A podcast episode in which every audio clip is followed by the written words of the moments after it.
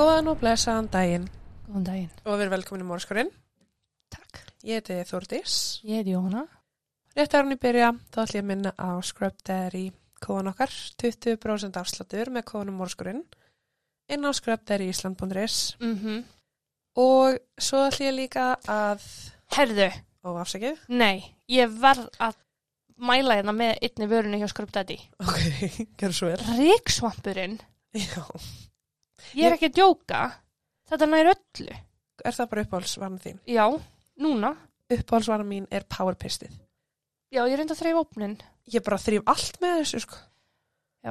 Það og trefja tuskunar, það eru svo þykkar Ok, já, og næs. það er líka. Og það er, já, allana, mínar uppáhaldsverur, um, trefja tuskunar. Já, Og þessi fokking ríksvampur, ég bara, ég vissi ekki að svona græða verið til, sko. Rétt bleitir þetta og þetta er bara sjús, ekkert mál. Yfirleitt úr þetta þurrka rík, þá, þú veist, er bara blöytt rík eitthvað streftir. já, ég þólaði ekki, sko. Ekki með þessum, tekur allt. Ok, Það er eitt og einasta og ég með hund. Þetta tekur líka hundahárin. Það er bara ekkert mál. Það mætti aldrei bara að vinna fyrir Daddy. Mætti halda. Nei, ég bara, já, mæli með ríksvapnum, greinilega, og mæli með powerpristinu.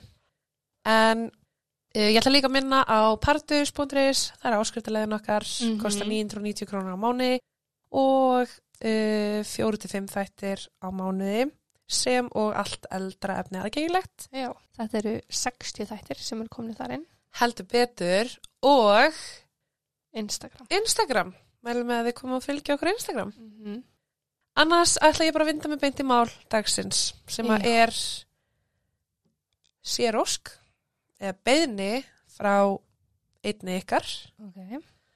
þannig að yes sirree en við erum sem sagt komin til Northport í Florida og við erum komin til 50 dagsins 17. janúar árið 2008 það var þá sem að hinn 23 ára Nathan Lee var að vinna.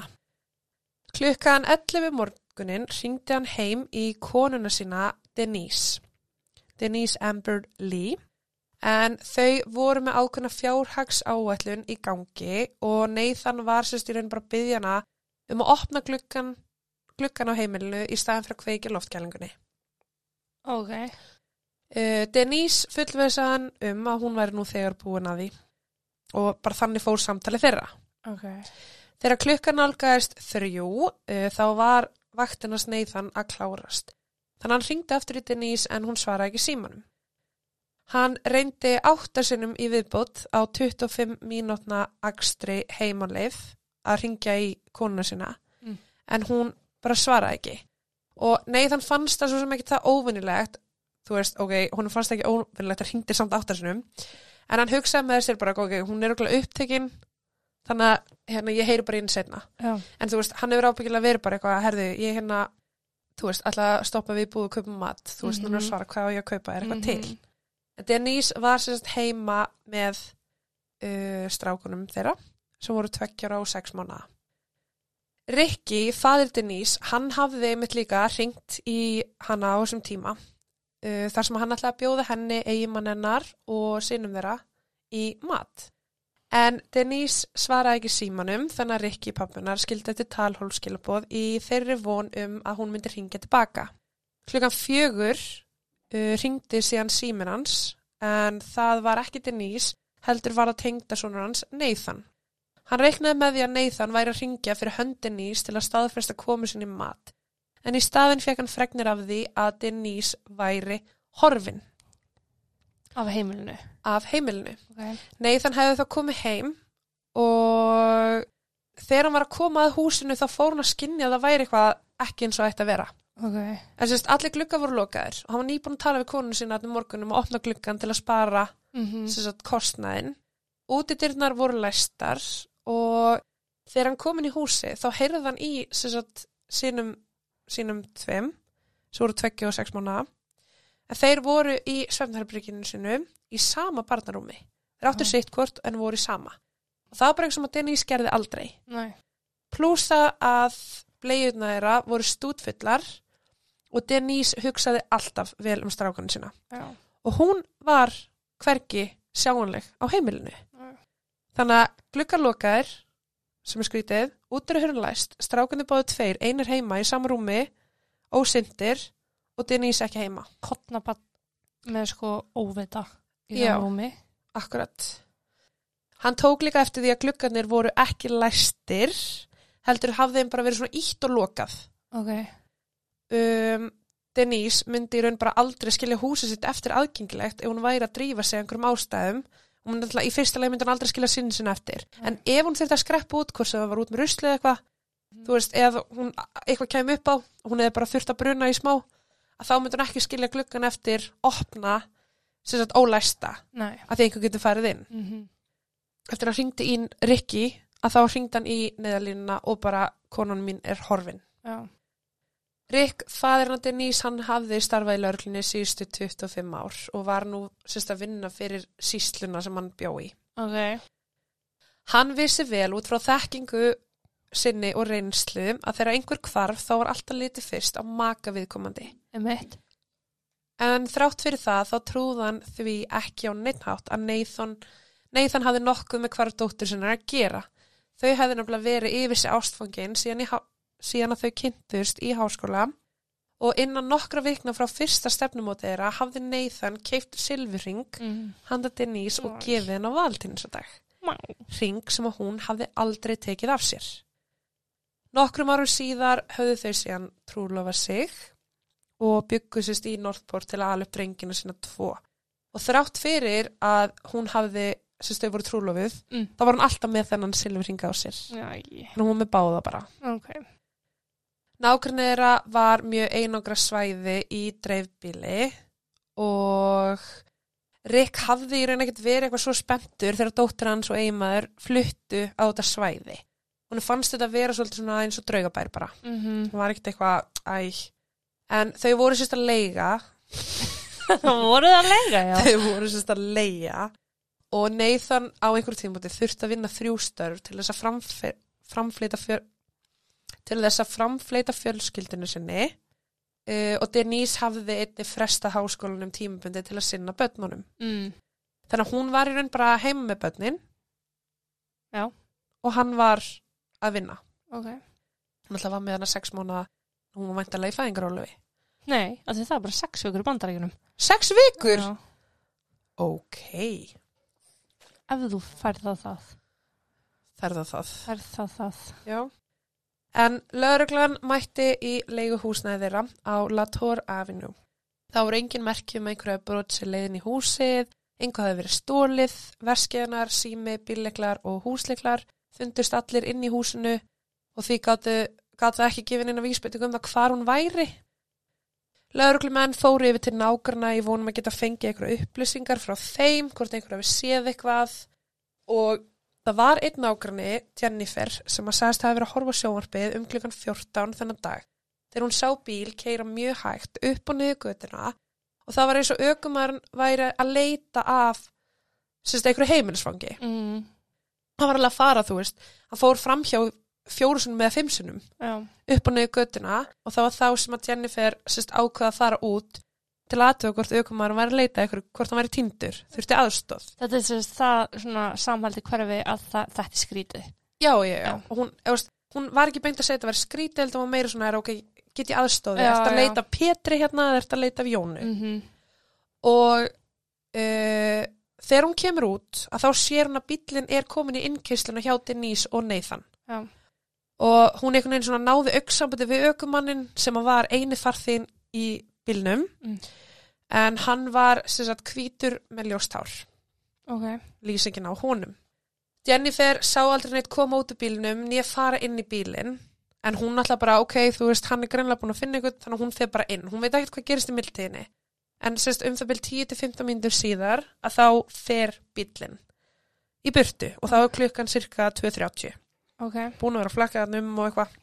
Og þetta allt er að gerast um klukkutíma áður en að Nathan kom heim úr vinnunni. Í kjölfari var gefin út tilkynning þar sem að beði var uh, alla lauruglumenn á svæðinu og ekki svæðinu, bara allir sem eru úti að aka, Mhm. um að fylgjast vel með þessum bíl sem að Jennifer varð vitni að. En þetta var tveggjadýra 1990 Chevrolet Camaro. Hann var dökkgreinn á litin með eitthvað svona svart framan á. Það er eitthvað að kalla þetta var eitthvað já, hvort sé hérna stuðarinn með eitthvað. Já, já. Já, þetta er eitthvað, þú veist, með eitthvað svörtu sem var mjög einkennandi við bílinn. Mhm.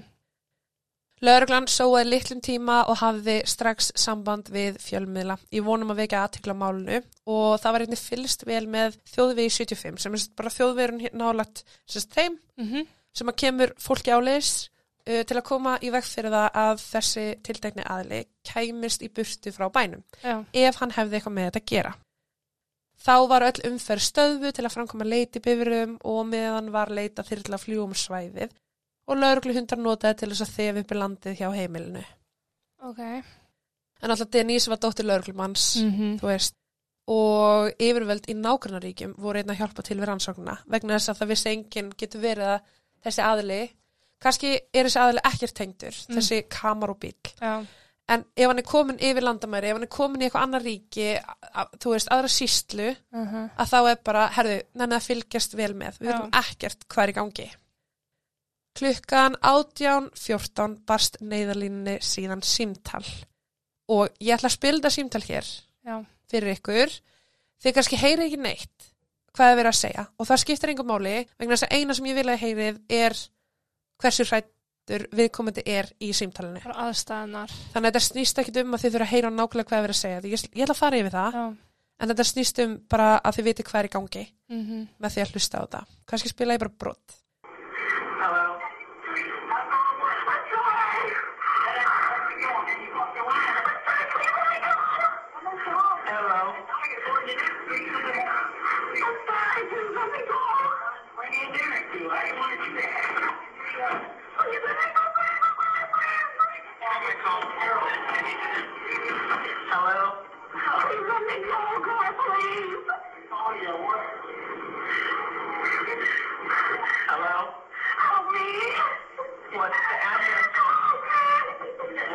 Address that you're at.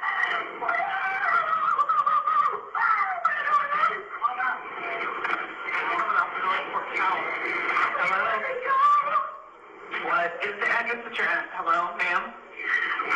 Where are we going? I gotta go up and around now. Up and around where?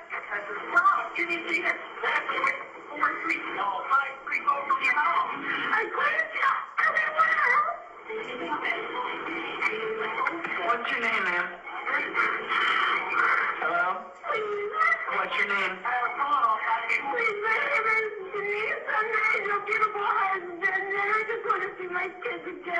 Your name's Denise?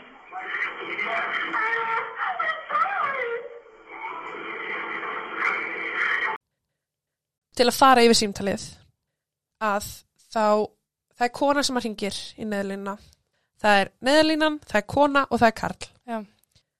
Neðlínan segir 911, what's your emergency? Mhm. Kona segir fyrirgjöðu, fyrirgjöðu, ég vil bara fara og neðlínan segir halló. Kona segir fyrirgjöðu, ég vil bara sjá fjölskyldinu mína. Karl segir, akkur þurftur að gera þetta? Kona segir fyrirgjöðu, ég vil bara sjá fjölskyldinu mína. Neðlínan segir halló og þetta gengur bara svona svolítið áfram. Mhm. Bara halló, halló, er ykkur natarara, hvað er að gerast? Og þú veist, svo er bara eitthvað að vera að fara á milli og það er enginn að svara neðlínni. Heldur þetta er bara eins og konu og kall að tala saman. Já. Og svo segir kona hjálpaði mér. Og neðalínan segir hvað er heimilisfangið? Og konan segir please hjálpaði mér. Og neðalínan segir hvað er heimilisfangið? Og konan segir please. Og maðurinn segir eitthvað ég er ekki brarara. Þá segir neðalínan halló, konan segir please lefti mér, neðalínan segir hvað er heimilisfangið, hello, konan segir hvert erum við að fara, maðurinn segir uh, nú þarf ég að fara að hinga út af því sem að þú gerðir, konan segir fara að hinga hvert, maðurinn segir þú veist, eitthvað fjóra götur frá þessu, frá, eða fimm frá húsinu innu, drrrr, þú veist, og neðalínan er bara eitthvað, hvað heitiru, halló, hvað heitiru? Kona segir, please, ég heiti Denise. Ég er gift bara frábærum manni og mér langar bara svo börni mín aftur. Mm. Og neðalínan segir, þú heitir Denise. Og konan segir, fyrirgefðu. Og neðalínan segir, bara eitthvað, veist, er að tala við einhvern annan og segir bara, ég held að maðurinn vita ekki að hún er að ringja Já. og þannig heldur þetta bara svolítið áfram. Og þetta er alveg, þetta eru sex mínútur þetta er símtal í neðlina og þannig eru búin að fá að staðfesta að þetta er Denise Já. að ringja, hún er með einhvern kallmanni og að lokum þá sérst eftir að meðlinn er búin að reyna að fá út úr henni einhverju upplýsingar. Ok, útvarpið er sérst í gangi og meðan þetta er að gerast. Já. Inn í bílnum og þau eru augljóslega á ferð. Mm. og neðlínan segir serðu eitthvað eða er þú veist hérna, ertu með blindfold Já. konan segir ég sé ekki neitt. Og svo segir hún hver er við? Og neðalínan segir getur þú slögt á útvarpinu eða lækka í því? Já. og þá segir Denise ég heyri ekki í þér það er alltaf hátt, hver er við? Og svo segir konan ertu að fara að meiða mig? Og þá segir kallinn gefðu mig síman allt í einu og svo bara bam, Mm. þá slögnar á símtalinu af því það, þannig er maður búin að fatta það að hún er í símanum Shit. En það versta við þetta símtöl sem ég finnst er, við höfum öll heyrt símtöl þar sem hann, einhver ringir neðlunna Mm -hmm. og þá á, átt að spurja, er einhver hjá þér, Já. getur ekki talað, Mm -hmm. Þóttust vera að tala við frænguðina, ekki svara já og nei, ekki svara, þú veist, svörunum okkar, Mm þú veist, svona, þú ert svolítið að vinna því í gegnum samtalið, þannig er búið átt að sá því að hún er með einhvern mann við hlýðan á sér, það er eitthvað í gangi, ég veit ekki hvað það er, Já. en þú ert endalaust að spyrja spurninga sem hún getur ekki svarað, Mm þú ert ekki vera að fá svör við og þú ert bara að leggja hann í hættu með því að reyna að láta hann að svara því. -hmm. Og það er eitthvað sem að gerðist þannig til lokin. Nú er ég ekki, þú veist, að skamma eða drulli við reyna eða neitt, skilur en En, en það sýnir samt bara verkferðla voru ekki nægilega góðir á þessum tímpundi. alls ekki nógu góður vegna sem við höfum alveg, þú veist, séð símtölu þar sem að fólk er einmitt bara, Hæ, ég ætla að fá að panta pítsu. já, Þú veist. já, ekkert mál. Hvað er heimilsfangið, Mhm. þú veist. Eitthvað svona, þannig er bara eitthvað, halló, ég heyri ekki í þér getur lækkað í útvarpinu, bara eitthvað fyrir, væntalega væntalega get ég ekki lækkað útvarpinu, Nei. skilur En, ok, þetta símtal var sérst í sex mínútur og í ljósi þess að tilfelli Denise fekk náttúrulega bara viðtaka umfjöllin strax Mm. uh, að þá var möguleiki á því að þetta símtal væri gabb. Það væri bara einhverja fokkið en og gerist alltaf, ég held að sé alltaf eitthvað svona gabb eða eitthvað drasli í gangi. Mm. Upptakan var því spiluð fyrir Rick og hann bar strax kennsl á rödd dóttunar. Hann sagði bara þetta er dóttir mín. Já. Á meðan honum þótti mjög erfitt að heyra þetta símtal að þá vissi hann að það var ennþá eitthvað von til staðar um að hún myndi finnast á lífi.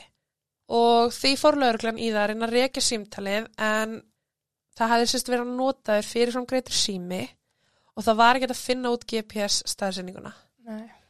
En þeir gáti fundið út sérst, í hvaða símaturni síminn hefði verið nálegð við og unnið út frá því en það er rosa stórt svæði, Já.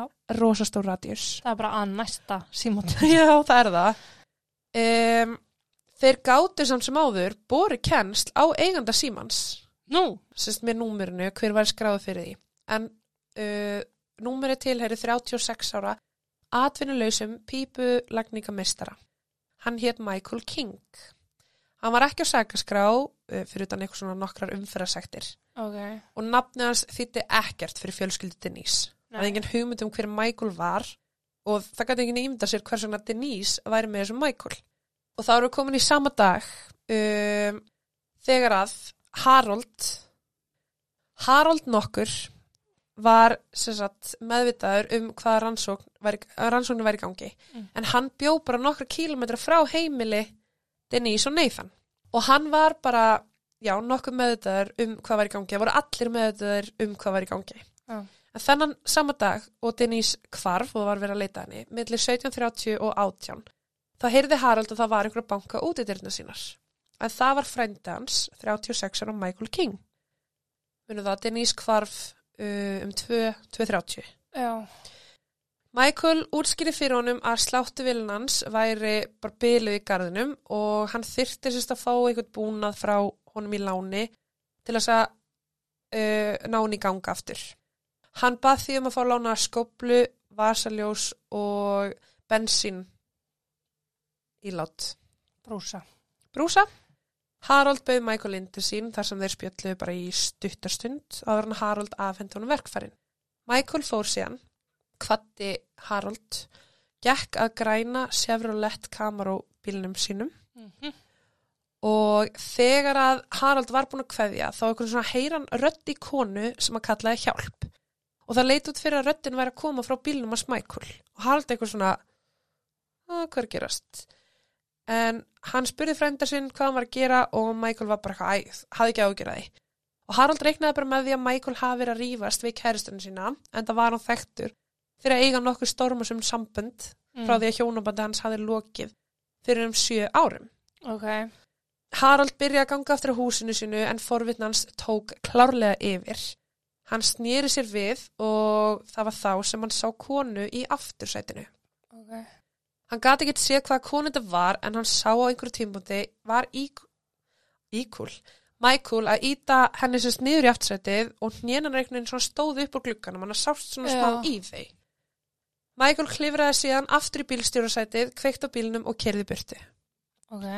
Harald var ekki alveg viss hvað hann ætti að gera við þessar upplýsingar en hann ákastist að keira heim til Michael og Michael bjó um ykkur svona 10 km frá honum Ok. þannig að það tók ekki langan tíma að keira til hans.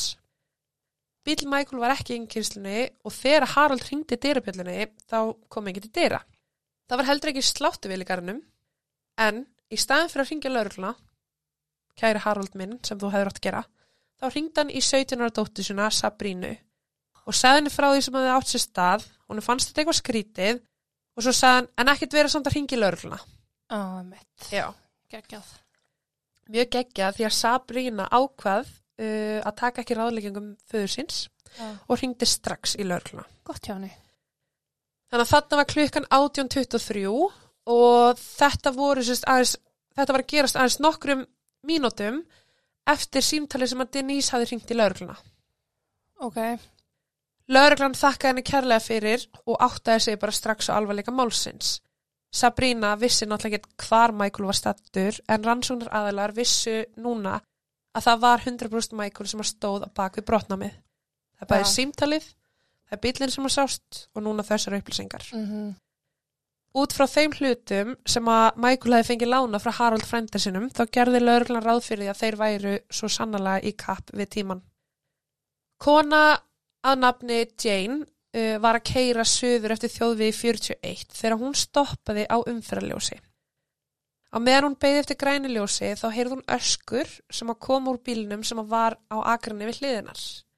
Við hliðin á henni var dökklitaður kamerabíll og Jane náði auksambandi við Karlkins bílstjóra. Þessi bílstjóri var að nota aðra hendina til að íta einhverju eða einhverjum Mm. niður í aftursætinu. Hann var sérst með hendina svona aftri og var stöðut reyna að íta einhverju niður. Það var þá sem að Jane sá að það var lítil hönd sem að tegði sig sagt, upp á aftursætinu og byrjaði að slá á farþegaglökan í vonum að vekja aðtegla á sér. Þegar það kom græntljós þá keirði hún mjög hægt áfram til þess að geta séð bílnúmeraplötuna vegna þess að það er ekki plata framan á. Það er bara Já. aftan á og það virði sem að aukumæður bílsins hafi tekið eftir þessu þannig að hann keirði ennþá hægar. Oh, Þannig að hún komst aldrei fyrir aftan. á. fyrir aftanan. Jane ringdi í neðalínuna og þarna var klukkan 18.30 en aðeins nokkru mínútum eftir að lögreglan hafði fengið frá símtal frá Sabrínu og símtal frá Denise. Já. Jane sagði þeim hvað hún hefði séð og fór að segja um staðsendinguna en hún var að keira bara fárlega hægt hvort hún hafi verið á 30 km hraða eða eitthvað og kamarúin hjælt áfram bara svona svolítið að læðast en hægar á eftir henni. Ökutækin tvö heldu uppi allaveg umferð, þau voru bara í raun að stoppa allt og jafnvel þó að Jane teldi að fórtalampi veri barn vegna þess að henni fannst hún sjá litla hönd hendi og lísti kamerónum sem bláum í stað grænum þá var lauruglan bara, ok, þetta er hann Já. þú veist, þó svo þeir sé að fá þessar misvísandi upplýsingar, þá bara þetta er hann Það er ekki tvö mismandi svona tilveik í gangi, skilur. akkurat, og þeir höfðu mitt líka fengið, þú veist, aðra vísbendingum hann hafi verið eitthvað þarna, en það er búið að setja inn bara grænt kamerubíl, Mm. allir að fylgjast með, hvar er hann hún er að tala við neðlina og skyndilega beigði sérst kamerubílinn yfir á aðra akrein aðrein frá þjóðveginum og skildi Jane í raun bara eina eftir þannig að hann bílinn var farin Já. Og Jane spurði lauruglan hvort hún ætti að fylgja á eftir bílnum en hún er raun bara gata ekki þar sem að kamerabílinn hafði snúið við einhvern veginn og það bara aukutæki var ekki lengur sýnilegt. Mm. Þrátt fyrir að margir eftirlýsbílar á vegum lauruglunar höfðu verið sendur á staðinn þá bara fann engin bílinn, hann var bara horfin. Já. Það var enginn sem að sá bifriðana. Klukkan 18.50 barst önnur ábyrting til neðalínunar en það var nafnlaus ábyrting frá Harold sjálfum. Hann hafði ákveðið að tilkynna hvað þið gerst með frænda sinn en um þetta leiti voru rannsóknaræðalar löngu meðdæðir Á. um þáttökum Michael í hvarfiti nýs. Þarna hafði hún verið horfin í um það byrj fjóra tíma. Flott hjá þér að koma fram en Ofsænt. og seint. Vopnaðir lauruglumenn mættu á heimili Michael á Sardina Avenue, ekki að skipta máli, en það var eins hæða heimili með stórum bílskúr og breyðri innkyrslu. Bílnum hans Michael var ekki lagt fyrir utan en lauruglumenn heyrðu rattir koma innan úr húsinu.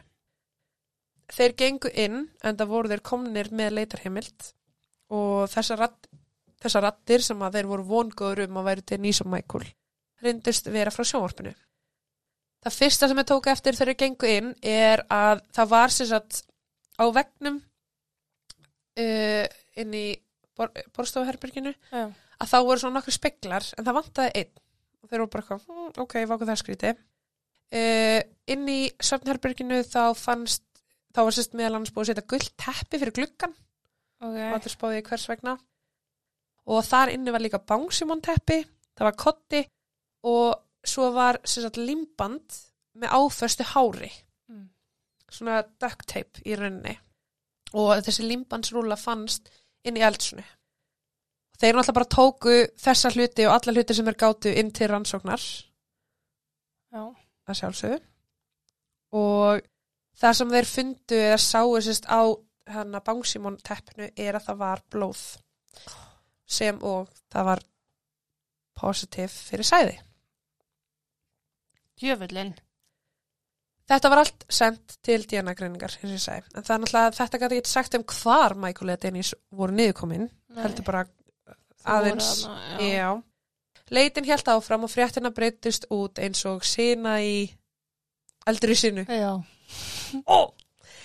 Farið var á helstu bensinstöðar á svæðinu til þess að sjá hvort einhver hefði séð mann sem að passaði við lýsingar um Michael og sömulegis var skoðaðar eftirlýsmyndaðular uh, í vonum að hann hafi stoppað stað þar til að taka elsniti en það kom ekkert úr því.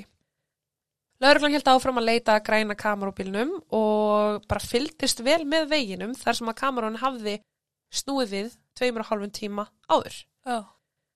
og þeir voru sérst bara búin að staðsýta sig nálægt beginni sérst á þessum þjóðvegi. Já.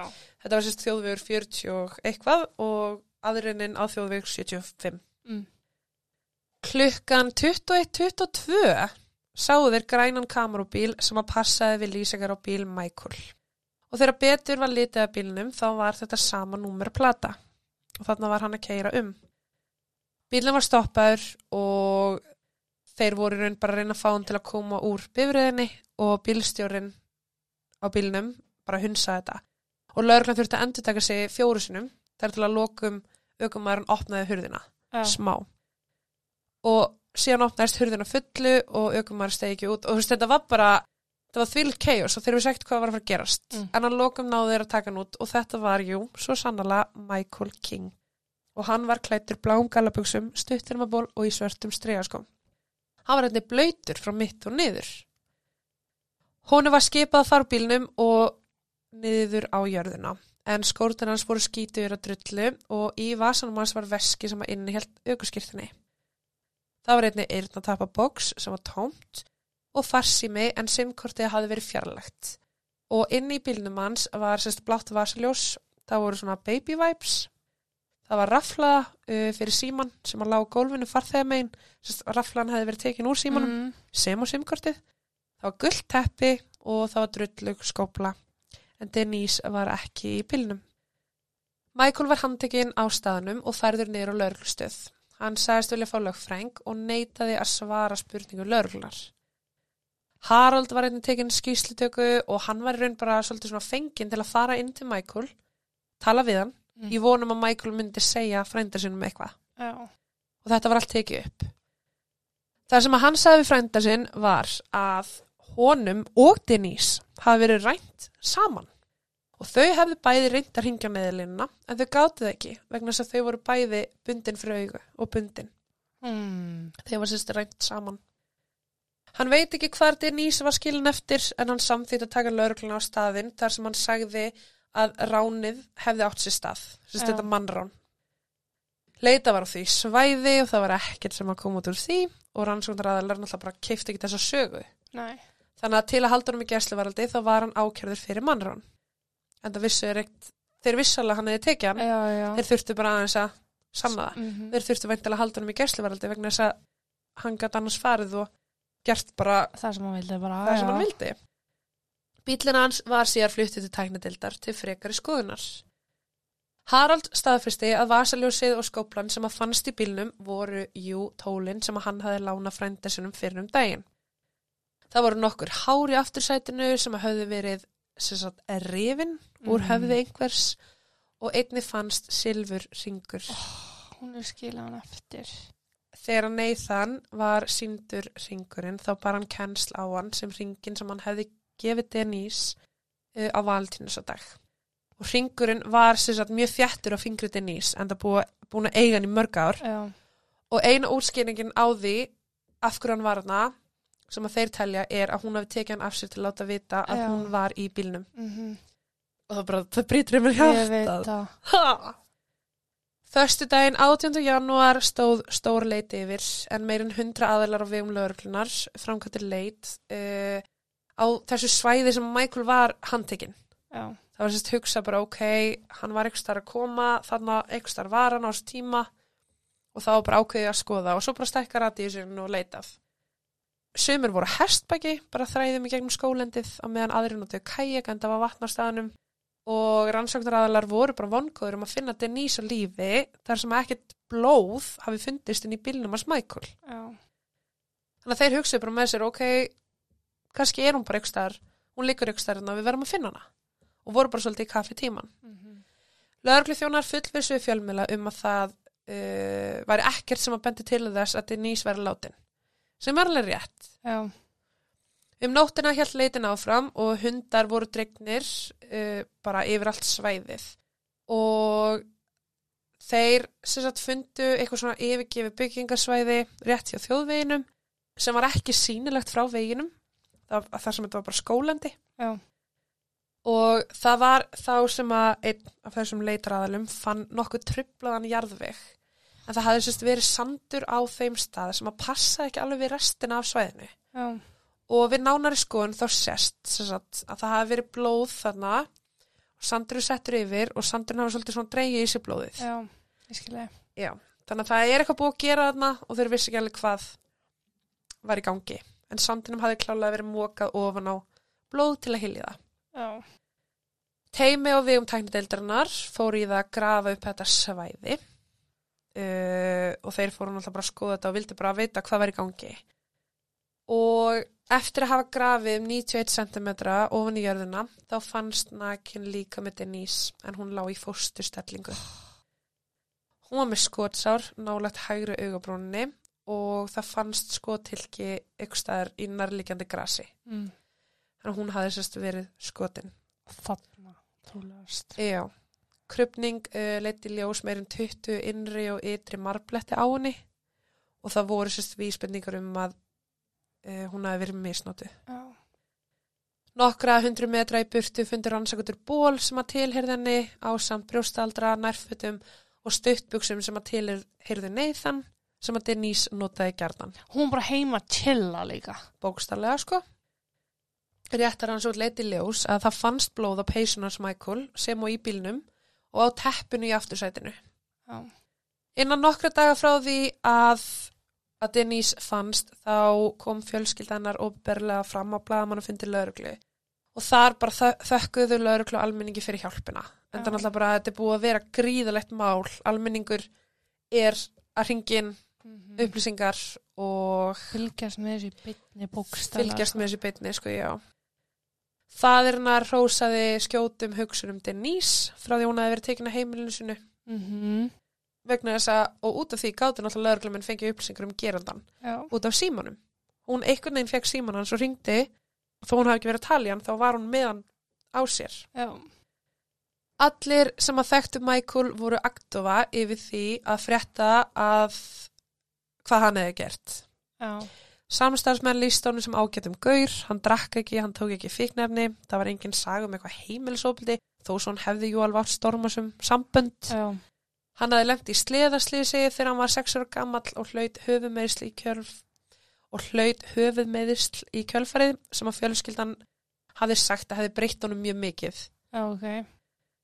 Hann þjáðist af miklum höfuverk sem að versnaði, uh, versnaði bara með hverju árinu, fekk mikla streitu og hann þurfti sérst í kjölfarið að endur taka fyrsta bekk. Já, ok. Og þegar hann var áttur á gamall þá gata hann ekki skrifa allar stafin í stafrónu og Já. félagsráðgjafi mælti því með því að hann myndi fara í sérkemslu. Hann var einnig mjög kvatvís eftir slísið og 13 ára gamall hafði hann hort á einhverja teiknumind sem að innihjalt bóg og ör og hann fór að leika eftir því og draf næstu í bróðu sinn. Þegar hann var 17 ára gamall þá horfði hann á myndina The Texas Chainsaw Massacre Oh my god. Hann kefti sér keðjusög og fór að elda einn fjölskyldumöðlim með sögjana í gangi. Þannig að hann er, þú veist, það er eitthvað, Já. eitthvað. Michael fór að lóka með skóla, var pípulagningameistari, hann gifti sig og eignaðist tvö börn og í mars 2001 þá gerðist það að hann kom heim úr vinnunni og uppgötaði það að konan hans var týnd. Hann fóð til lauruglunar og lagði fram skýslu og fljótlega kom í ljós að konan hans var örug. Hún hafði yfirgifið hann fyrir annan mann sem hún hafði kynst á netinu. Oh boy. Ok. Þau skildi í kjölfarið, Michael fekk fulla forsjá yfir síni sínum, eða síni þeirra á meðan konan hans fyrrum fekk fullt forræði yfir hínubarninu. Þannig að þau fengur sér sikkubarni í rauninni, fullt forræði. Okkur er bara ekki 50-50 eða eitthvað. Veit það ekki? Og í kjölfarið keifti Michael þryggja söfnarbergja hús á Sardinia Avenue og átti þar í rauðir samskipta við mismunandi konur og var bara svona svolítið að deyta einhvern veginn.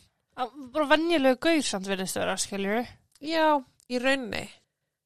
Ah, þú veist, Ég alveg, alveg saga þarna, en þú veist, það, ég, veist, það, það er alveg eitthvað þarna sko, en á sama tíma er líka bara eitthvað svona, ó, veit ekki alveg hvað, en sko, það var til dæmis að ég keift hérna húsið sitt og eftir hann flutti inn, að þá byrjaði eitthvað svona rifrildi milli hans og nágrannans. En nágranni var sérst að saka són hans um að hafa skemmt uppblásna sundlaug sem að þau áttu.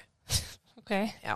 Ekta nákvæmna drama. Og já, og í kjölfari hafi nágranni sett upp trékýrðingu á milli þeirra, sérst milli fastegnanana. Ok. uh, og Michael var í uppnám út af því, veit ekki alveg af hverju.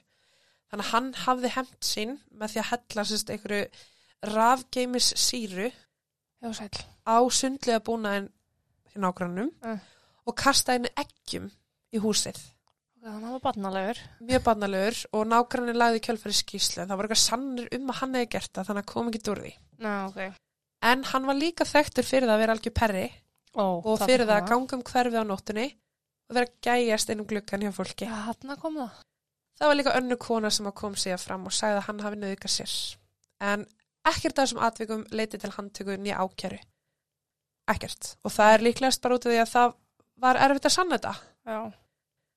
Michael hafði einnig starfað hjá þessu sama fyrirtæki, pípulagningafyrirtæki, þar fram í júni 2007.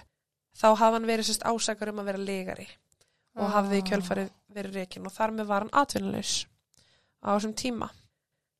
Hann eignaðist einhverja kærustu, hann sem í stóð frammi fyrir gjaldþróti vegna þess að hann gæti ekki mm. borga húsinu, þau hættu saman og svo kom hann, fór hann einhvert, kom aftur til Flórida, þú veist, og hann var bara, það var eins og, þú veist, hegðun hans var orðin bara svolítið öfgafull Mm -hmm.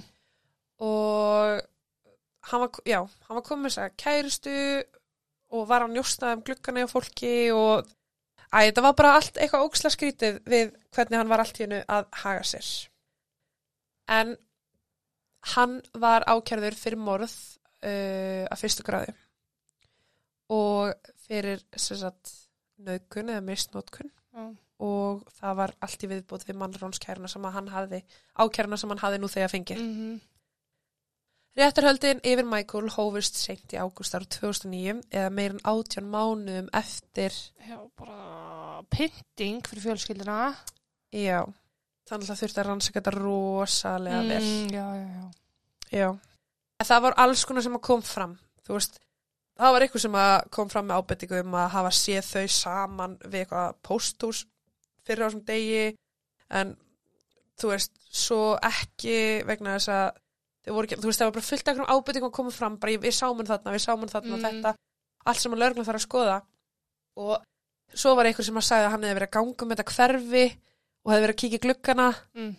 en svo var Jennifer sem að sagði að hann hefði bara verið að keira fram og tilbaka þú veist þetta var svona alls konar sem að maður þurfti að spá í og átt sér líka á því þú veist, akkur þetta er nýs en ekki einhver annar Mm Með tvö börnin á heimilinu og allt, sko. En það var sérst fullirt bara að Michael var í raun að leita að fórnalambi. Já. Það var eini ásendingurinn hans yfir því að vera þarna.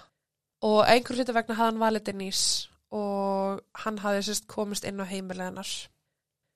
Þegar að Denise átti að sá því að hún var í hættu, þegar hún tók eftir að var ykkur komin inn, það fyrsta sem hún gerði er að hún tók börnin sín og hún hljóp með upp í barnarúmið inn í Mhm. svefnarbyrginu til að koma, koma þeim fyrir. Hún lokaði síðan skyndilega öllu glöggum og læsti út til hurni. En hún sérst tók eftir að það var einhver Já, já, fyrir utan að lörka fyrir utan húsið eða eitthvað svoleiðis. Nefna það náttúrulega hann fer inn bakatæri megin. já. Ákjæraveldið hafði náttúrulega bara fullt af sönnugögnum. Það var DNA, það var allt blóður sem fannst í bílnum, silfurringurinn, þú veist, þræðirnir, hárið, allt þetta. Mm Og mörg vitni er náttúrulega komið fram. Uh, Harold kom fram sem vitni. Sabrina, Jennifer, þú veist, konan Jane sem að sá hann á þjóðveginum. Öll þessi vitni komið fram og gáttu staðfyrsta að þau sá eitthvað já. í bílnum. Þannig að þetta var, þetta, þetta var rosalega, þú veist, maður myndi halda þetta náttúrulega bara mjög klift á skorið. Já. Það er ekkert annars að kemur til greina. Neðlínu símtalið var að sjálfsögur spilað í réttasalnum og guð minn góður því ég horfði á réttaröldin þegar það var spilað. Michael situr og bara situr bara Mm. og það er ekkert. Og svo er reglulega skipti yfir á sérst föðurnar og fjölskylduna sem að þurfa að hlusta þetta og þau eru náttúrulega, oh my god, þetta er Já. mjög erfitt líka bara að vita til þess og skipta yfir á Nathan vita til þess hvað þau þurfa að upplifa að Líka- heyra hana í þessu ástandi svona hrætta Já. En líka þegar það var svo mikið vonaðna örugla.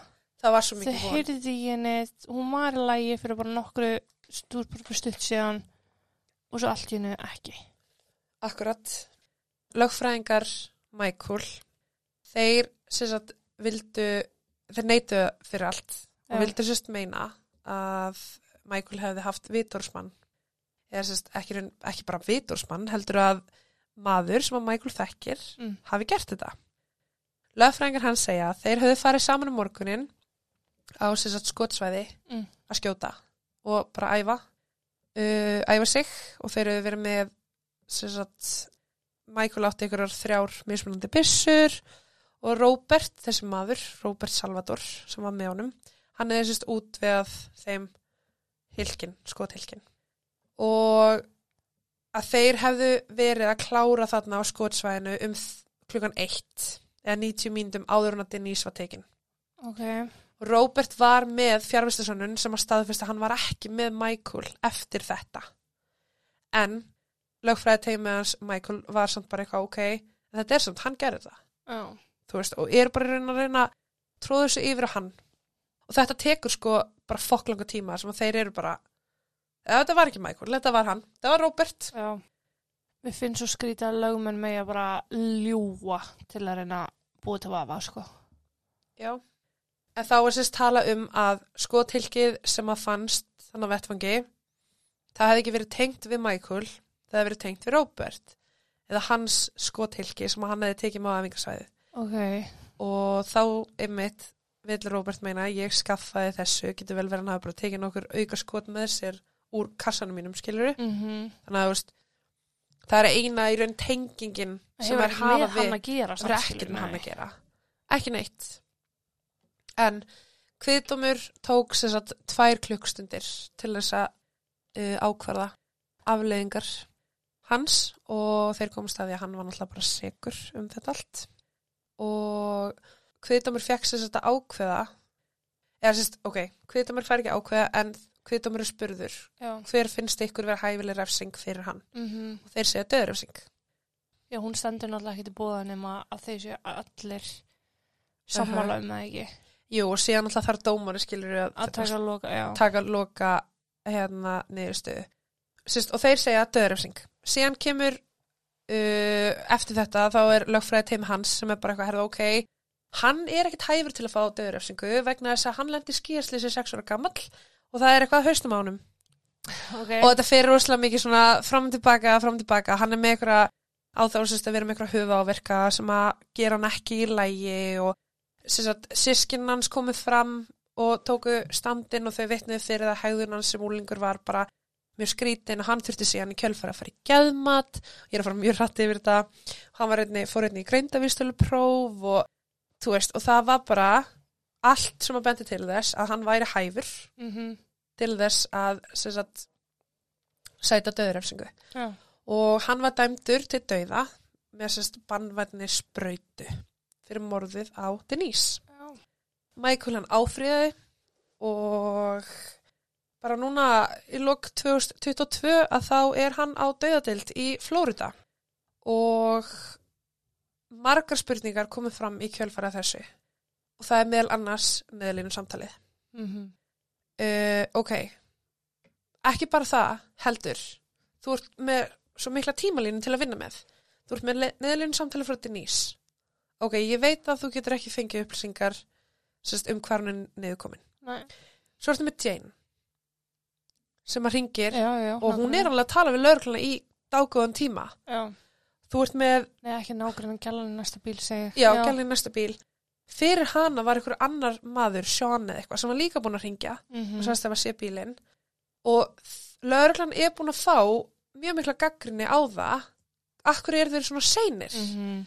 akkur er þú veist hvernig er, hvernig er þetta að gerast hvernig getur þið verið með konu í rauntíma sem er hérna, herðu ok, halló, ég er að horfa á eitthvað ræna eitthvað um hendi Mhm. og þú veist, við erum að keira þetta og það tekur alveg smá tíma hvernig er hvernig er hann að fara Einmitt. akkur er, þú veist, og það er bara eitthvað, akkur er ekki komið þyrla sem er síðan að fylgja hann eftir og þú veist, við höfum séð þetta rosalega mikið eins og með hérna, hvort það hafi verið, ég veit ekki hvort það var raunverulegt eða ekki, þegar gælan opnaði hann að ljósa úr skottinu, opnaði hann að, Hún kildi út. já, kildi út eitthvað, veist, en já, það er sérst bara búið að gaggrina rosalega mikið hvernig þú getur verið með Denise í rauntíma að tala við þig eftir henni rænt, Já. þú getur verið með öll þessi vitni, þú getur verið með allt þetta í gangi og það er samt ekkert sem að Nei. er hægt að gera og það lætur mann alveg trúi, ok, þú veist það er ekki, það er ekki að bjarga þér sko. Nei. og Það er alveg ömulegt, sko. já, og náttúrulega líka búið að gaggrina neðlinu samtali sjálft þú veist vegna þess að neðlinu aðilinn var ekkit beint að spyrja þessar spurningar sem að hægt er að svara að hefði kannski að mögulegt átt sig á aðstöðum gat kannski, þú veist, auðvitað ekki gat ekki átt sig á aðstöðum en svo var líka eitthvað að tala um að hérna, þú veist, þetta var eitthvað svona Jane ringdi í lögregluna og þetta er sérst Northport lögreglan og svo er þetta þessi lögregla og þessi lögregla og hún hafði sérst fengið samband við Charlotte síslu eða eitthvað sem er ekki Sarah Rhoda sísla, sem er ekki Northport og þá þetta farið eitthvað annað. Mhm. þetta ekki farið á sama stað og þá hafi sérst þeir sem að voru að sinna málunu Northport, þú veist, þessi sísla þau ekki fengið þetta símtal heldur að vera önnur lögregldeild og þar hafi bara allt í hennu verið einn aðali, hún hafi sérst hún setti neðalínu símtalið frá Jane ekki inn í kerfið heldur, þú veist, einhvern veginn bara vanlega að setja allt inn í kerfið strax Já. skilur í þetta, gera það ekki þetta var eitthvað svona algjört fuck up og það var bara fyrir tilviljun sem að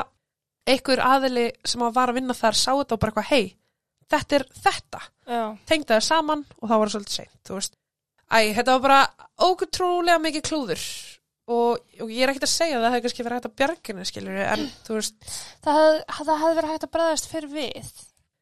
já það er það sko og fæðurnar hefur bara komið fram á hann og sagt bara þú veist að bara það voru mistök sem voru gerð þennan dag Já. og bara að hann sagði bara að fólki sem er að vinna sérst, fyrir að bæða taka símtölun og fólki sem er að vinna á þessu stöðum og þau þurfi bara að fara í ákveðna þjálfun Já. ekki setna en núna um, Rick uh, sá í raun bara um það að bæta þjálfun fyrir uh, aðila sem að vinna á vegum 911 sem að svara símtölum og í kjölfarið voru sérst gerð Denise Amberley lög Gott. Já. Og Denise Amberley Bill var tekið í gegn í júni 2008 í hennar nafni og það er sérst bara að fara betur yfir neðalínu símtöl, Mhm. betri þjálfun hvernig átt að bregðast við, hvað átt að gera vegna þess að þetta var mjög mikið klúður Já. neðalínu samtalið er líka mjög mikið klúður og sérstaklega eins og fyrir aðilann sem að tóka móti hinnum samtalenu við Jane Mhm. að skráða þetta ekki inn í kerfið og gera eitthvað í þessu, ringja strax, kalla þetta út Já. og það voru sér satt það voru fimm símtöl gerð til örglunar sem að tengdust ránin á Denise meðan hún var ennþá að lífi Já. fimm símtöl, fimm mismunandi aðilar sem að ringja og kalla inn eitthvað þú veist, hérna er hann, hérna er hann, hérna er hann Mhm.